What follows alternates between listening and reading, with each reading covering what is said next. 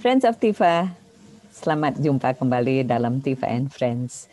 Kali ini kita kembali lagi berbincang-bincang dengan seorang peneliti muda yang pernah menjadi tamu kita dalam Tifa and Friends beberapa waktu yang lalu ketika beliau galau sekali tentang rusaknya dua uh, danau yang menjadi apa, Zamrud Hatul Istiwa, dua danau yang mestinya kita piara sebagai mutiara dalam lumpur dan kita biarkan menjadi lumpur, yaitu dua danau di Berau di Kalimantan. Uh, beliau adalah Anarga Setiadi, Associate Researcher di Research Center for Climate Change di Universitas Indonesia. Selamat jumpa kembali, Mas Aga. Apa kabar? Baik-baik saja. Terima kasih banyak, Mbak Debra. kita kembali lagi ngomong tentang kegalauan Anda, kegalauan Anda menghadapi hal-hal yang lingkungan, lingkungan yang seakan-akan kita di Indonesia sangat tidak pedulikan. Um, kalau kita lihat ya, kita kan bukan hanya bertumpu, kita kan injak tanah itu kan lingkungan. Kita memetik buah itu adalah lingkungan, seperti yang Anda katakan Eh, kala itu dalam perbincangan kita kita makan ikan itu dari lingkungan. Dan yang paling parah adalah Indonesia begitu ada air terjun atau gunung yang cantik itu dijadikan objek pariwisata dengan tidak memperdulikan bahwa seribu eh, apa dua orang nginjek nggak apa-apa. Seribu orang itu tentu ada dampaknya. Kalau yang datang berbes-bes setiap hari ya tentu saja itu akan rusak dan sulit sekali untuk kita kembalikan ke kondisi semula. Eh, kalau Anda melihat sebagai seorang peneliti, Anda lihat kan kita biodiversitas eh, keanekaragaman hayati Indonesia, kita Pak Emil Salim pernah mengatakan, andaikan ada keragaman hayati, ada keanekaragaman hayati, Indonesia adalah sebuah orkestra keanekaragaman hayati yang paling pekat di dunia. Eh, apa apa yang harus kita lakukan melihat perilaku kebanyakan orang Indonesia yang tidak peduli lingkungan ini? uh, banyak sekali sih ini. That's a very deep question. Jadi memang uh, di di Indonesia nih kita pertama nggak aware sama sekali sama kekayaan alam kita sendiri.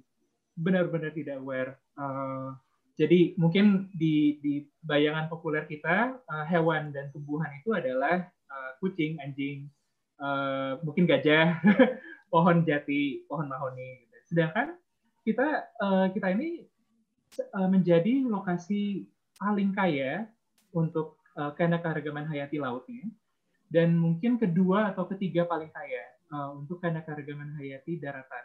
Uh, hmm. Itu yang paling kaya itu seingat saya untuk daratan itu Brazil karena Amazonas ya. Hmm. Jadi karena uh, hutan Amazon.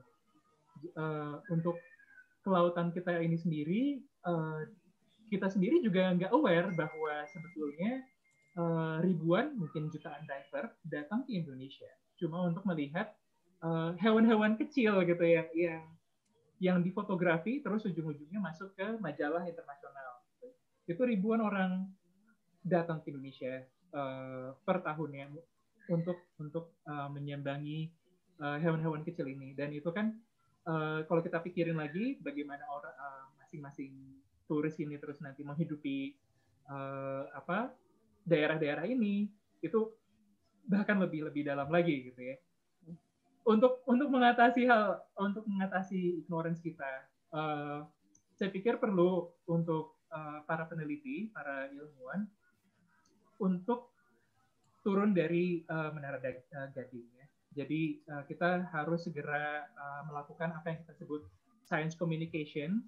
Jadi temuan kita, uh, riset kita, coba kita keluarkan, coba dipopularisasikan. Uh, apa aja sih yang sebetulnya ada di halaman kita sendiri. Nah ini yang saya, saya pikir uh, belum belum terlalu terasa di Indonesia. Mungkin kalau misalnya di, di di US gitu ya, mereka ada celebrity scientist gitu yang bisa menjelaskan oh di sini loh Grand Canyon bla bla bla. Ini ada ada burung apa burung apa ada hewan apa saja. Di kita uh, mungkin masih bisa dihitung jari. Uh, belum.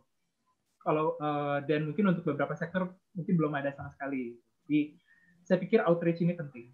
Penting sekali itu apa yang apa yang menghalangi? Apakah karena menjadi saintis itu kurang menguntungkan secara income ataukah eh, apa para saintis itu juga tidak mempelajari teknik-teknik komunikasi yang baik?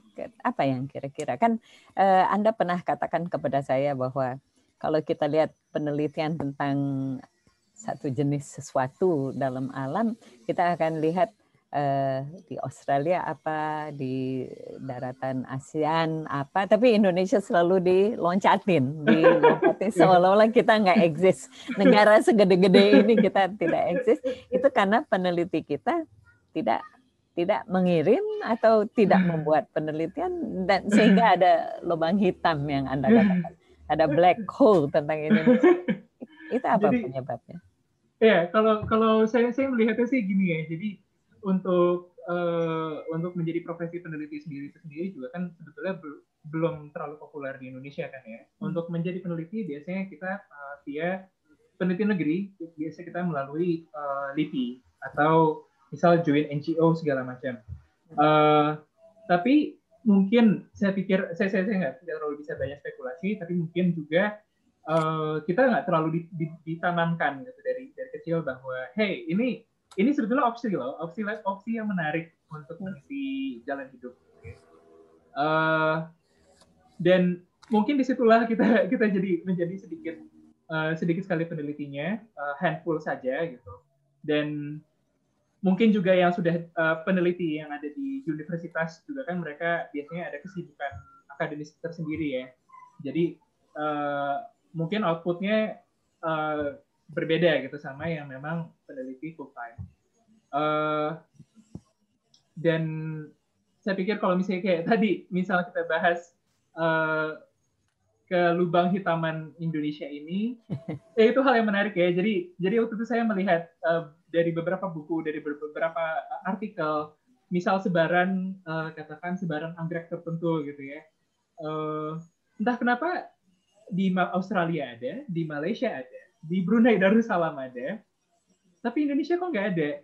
Eh ini kan bisa aja memang polanya seperti itu, tapi bisa juga karena kita nggak ada data. Kita nggak ada data. Uh, jat, apa kita nggak ada, misal gak, sedikit sekali orang yang mau berekspedisi ke jantung Kalimantan gitu ya. Sedikit sekali orang yang mau melihat uh, fenomena alam alam ini. Uh, jadinya kita kayak semacam kekurangan data. Walaupun saya yakin, maksudnya saya saya melihat sendiri, maksudnya kolega eh, banyak kolega yang eh, sedang berusaha untuk mengatasi ini. Tapi saya pikir kenyataannya adalah Indonesia kekurangan peneliti. Jadi hmm. banyak hal yang kita pattern yang kita nggak lihat di Ya. Apakah uh, hambatannya adalah dana, dana untuk melakukan penelitian atau waktu atau apa? Apa yang Anda lihat? Saya pikir dana uh, bisa jadi faktor yang besar ya karena untuk penelitian untuk penelitian murni itu kan di Indonesia mungkin ter, tidak terlalu populer ya. Bukan bukan sesuatu yang uh, menarik gitu bagi donor. Apa uh, jadi apa untuk eksplorasi katakan keanekaragaman hayati itu uh, mungkin nggak terlalu tidak semenor katakan pemanfaatan anu-anu-anu gitu itu biasanya lebih lebih lebih menjual gitu ya. Uh, pertama dan uh, mungkin dana, kedua juga uh, apa? Mungkin karena uh, apakah kita juga ya balik lagi kita ke tadi misal jumlah uh, jumlah penelitinya juga masih sedikit gitu ya. Jadi memang katakan ada satu orang yang memang sudah sudah berusaha mengcover satu Indonesia tapi kan pasti dia dia banyak back uh, backload yang kita dia harus uh, kerjakan gitu jadi hmm. memang jadinya berat yeah. yeah. dan uh, kan di di dalam ketika kita SMA kita hmm. ditawarkan untuk menjadi pengusaha hmm. uh, kita ditawarkan oh ini apa jalur karir yang terbuka hmm. bagi anda ada ini ini dan jarang sekali dikatakan science scientist itu adalah mhm. untuk menjadi peneliti adalah salah satu jalur karir yang menarik. Mhm. Apa yang membuat Anda sendiri tertarik masuk ke jalur? Daya tariknya apa? sebetulnya ini sudah dari kecil sih kalau dari saya. Jadi memang uh, saya waktu kecil itu saya ingat sekali dibawa ke akuarium ke SeaWorld Indonesia waktu itu kan di Ancol. Uh, dan saya terpukau, terpukau sekali sama ke keanehan hewan-hewan laut. Uh, dan saya pikir, maksudnya selama saya tumbuh gitu ya, jadi I need to do something about this gitu. karena karena saya saya telanjur jatuh cinta jadi uh, dan saya pikir opsi untuk meneliti adalah opsi yang menyenangkan gitu opsi yang cukup adventurous walaupun ya balik balik balik, balik ke tadi ke, ke ke masalah dana ya tidak selalu mudah kan ya uh, tapi uh, saya saya coba dedikasikan gitu ke to that cause. Dan mungkin itu mungkin kalau misalnya kita mau lihat ke ke masyarakat lebih luas lagi kita nggak ada exposure kita nggak ada exposure ke alam kita tidak terpapar ke alam uh, apalagi yang hidup di perkotaan gitu ya kita mungkin yang di pedesaan beda lagi tapi yang di perkotaan kita uh, melihat alam itu sesuatu yang liar dan menakutkan. Hmm. jadi uh, dan itu mungkin ditanam juga gitu waktu dari kecil. Jangan sentuh itu jangan sentuh anu jadi memang uh, apa kita tidak sempat explore sebagai anak kecil uh, explore ke alam. Yeah. Saya pikir sih. Saya mau uh, apa ajak anda melihat uh, apa konflik antara uh, binatang hewan besar di, di Sumatera terutama ya. Mm-hmm. Kan belakangan ini kita dengar bahwa gajah uh, ruang apa itu namanya koridor koridor dia bergerak ruang ruang gerak. Dia akan makin sempit. Dan dan macan dan rhinoceros um, ruangnya makin kecil karena terlalu banyak perkampungan. Ini saya ngomong di daerah Loser. Dan terjadi konflik antara manusia dengan hewan. Kan hewannya menganggap itu wilayah. Dia tiba-tiba menjadi apa hutan ketimun atau tomat dan menginjak-injak dan dia juga mencari makanan. Dan masyarakatnya lalu membunuh hewan, eh, membunuh gajahnya atau harimaunya atau si apa badak badak eh, badak Sumatera yang sudah sedikit sekali jumlahnya. Dan lalu ketika ketika datang BKSDA untuk mengatakan Anda tidak boleh terus selalu selalu percakapannya adalah mana yang lebih penting kami manusia atau hewan itu. Itu bagaimana? Bagaimana Anda ini ini memang berat ya, apalagi uh, di situasi seperti kita di Indonesia, di mana uh, negara negara masih berkembang, masih ada ambisi banyak ambisi ekonomi, uh, masyarakat juga populasi tinggi sekali. Uh, ini memang jadi tantangan yang sangat uh, unik dan berat bagi Indonesia karena uh, saya pikir gini, masing-masing spesies itu ada, kalau saya percaya ada ada yang namanya nilai inherent. Jadi masing-masing spesies itu berhak berevolusi untuk hidup untuk meneruskan keturunannya. Uh, namun uh, kita kita juga pikir manusia juga ada kebutuhan uh, dan untuk mengharmonisasikan antara kedua ini uh, bagaimana ya? saya juga saya juga jadi jadi kesulitan. Mungkin yeah. kita uh, bisa bilang bahwa semua bisa dikatakan berakar dari jumlah populasi uh, populasi manusia di di Indonesia tuh uh, sangat dikatakan sangat tinggi. Kebanyakan. Uh, kebanyakan ya. Terlalu banyak ya. Terlalu ya terlalu banyak dan itu pasti akan berkompetisi berkompetisi sumber daya sama uh, dengan uh, alam liar dengan hewan liar dan ya dan habitatnya mereka. Hmm. Uh, tapi bisa cerita tentang kepunahan keenam yang Anda pernah cerita kepada kami. Oke. okay. Jadi ya kepunuhan keenam ini sebetulnya uh, suatu peristiwa yang sekarang sedang dipercaya sedang berjalan. Uh, jadi kepunahan kelima itu kepunahan dinosaurus. Hmm. Sebelum kepunahan di dinosaurus ada kepunahan-kepunahan lagi. Nah itu tapi biasanya yang studi itu adalah ahli paleontologi. Uh, nah kita sekarang ini menjalani kepunahan keenam. Jadi uh, yaitu mulainya menyusutnya karena keragaman hayati dunia uh, bermula dari hewan-hewan yang paling rentan jadi misal seperti megafauna atau hewan-hewan besar seperti gajah, uh, gajah, macan, uh, badak, dan terus uh, yang terkena juga biasanya adalah hewan-hewan uh, yang, eh, sorry, spesies yang uh, terspesialisasi, yang rewel gitu ya. Jadi misal hmm. katakan anggrek di po di pegunungan anu yang memang uh, dia tidak bisa terima oleh kondisi lingkungan yang lain. Nah ini ini terasa sekali sekarang akselerasinya. Jadi memang uh, begitu banyak sekarang spesies yang sudah uh, mulai tidak terlihat lagi di hmm. catatan biologis. Nah, kalau kita kan sudut pandangnya kan antro apa istilahnya Antroposentris ya. Antroposentris. antroposentris. Secara yeah. antroposentris, apakah yeah. Kita harus meratap bahwa gajah hilang, eh, badak bercula satu, bercula dua hilang, bahwa macan-macan besar, big cats itu kucing-kucing liar yang besar itu mulai tidak ada dan eh, apa pulau seperti Sumatera di mana tinggal beberapa jenis hewan yang tidak ada lagi di dunia itu ketika mulai hilang, apakah kita harus meratapi itu? Bagaimana sikap manusia sebagai binatang yang beradab dan berakal budi itu manusia sikapnya bagaimana menurut Anda? Uh, sebetulnya yang mengenai mengenai misal katakan peristiwa kepunahan kenang barusan dan dan tadi mulai mulai yang menghilang hewan-hewan besar kita uh, sebetulnya kita masih masih punya kekuatan untuk menghentikan uh, proses peristiwa ini.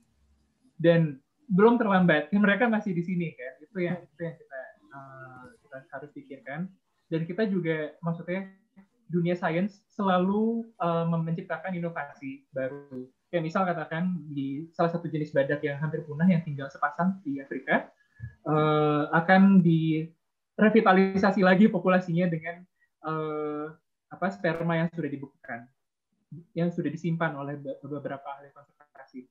Nah itu kan uh, bukan berarti maksudnya kita kita boleh mencapai titik ambang barusan, tapi uh, selalu ada harapan saya yakin. Dan uh, selalu ada harapan dan kita juga uh, saya pikir juga harus bisa selalu menginovasikan bagaimana caranya untuk hidup berdampingan dengan alam. Ini kan yang uh, misal katakan uh, masalah konflik manusia dan hewan itu kan di misal kata eh, di di Afrika juga sudah ada beberapa solusi yang ingenious gitu ya yang yang hmm. yang cerdas. Uh, misal seperti berdubuk, uh, ber, berdamai sama beberapa populasi uh, dubuk dan manajemennya. Nah itu mungkin kita bisa coba. Apakah uh, ini pertanyaan terakhir Mas Aga? Uh, terjadi pandemi ini kan di luar dugaan semua. Yeah. Satu tahun yang lalu kita shock bahwa di Wuhan terjadi uh, penularan virus dari yeah. kelelawar. Oh, nah, yeah. ap apakah apabila manusia terus berjalan dengan sikap tidak peka seperti ini, apakah uh, apa uh, corona corona yang akan datang, eh, corona corona baru akan yeah. bermunculan di masa mendatang menurut anda? Iya itu sangat uh, kemungkinan yang sangat besar. Uh, beberapa ahli uh, beberapa ahli pan, uh, epidemiologi uh, juga mengatakan demikian. Jadi se seiring kita menjajah uh, merambah ke habitat-habitat alami dan kita berkenaan dengan uh, satwa liar, penyakit yang mereka bawa, penyakit yang mereka sebetulnya sudah bersirkulasi di dalam mereka juga berpotensi ke ke uh, loncat ke manusia. Gitu ya. Jadi kita melihat kebalik uh, ke belakangnya, misalnya seperti HIV uh, eh, dan Ebola, mereka semua itu ber, berasal dari perdagangan uh, daging hewan liar. Gitu. Jadi, hmm. jadi memang kok konsekuensi konsekuensi kita tidak uh, menghormati alam itu sebetulnya banyak sekali. Dan ini ya salah satu contoh yang kita duga adalah uh, COVID-19 ini. Jadi hmm. memang uh, saya pikir resolusi konflik satwa dan manusia menjadi lebih urgent lagi gitu lebih lebih lebih urgent sekali gitu sekarang dengan dengan insiden seperti ini kan oke okay. Ya. yeah. terima kasih banyak atas uh, percakapan yang sangat menarik Sama-sama. ini Mas Arga Aga mudah-mudahan kita bisa jumpa di lain kesempatan Friends of Tifa, demikian bincang-bincang kita dengan Aga Setiadi, Anarga Setiadi, seorang peneliti Research Associate pada Research Center for Climate Change Universitas Indonesia. Sampai jumpa. Salam. Makasih banyak, Mas Aga.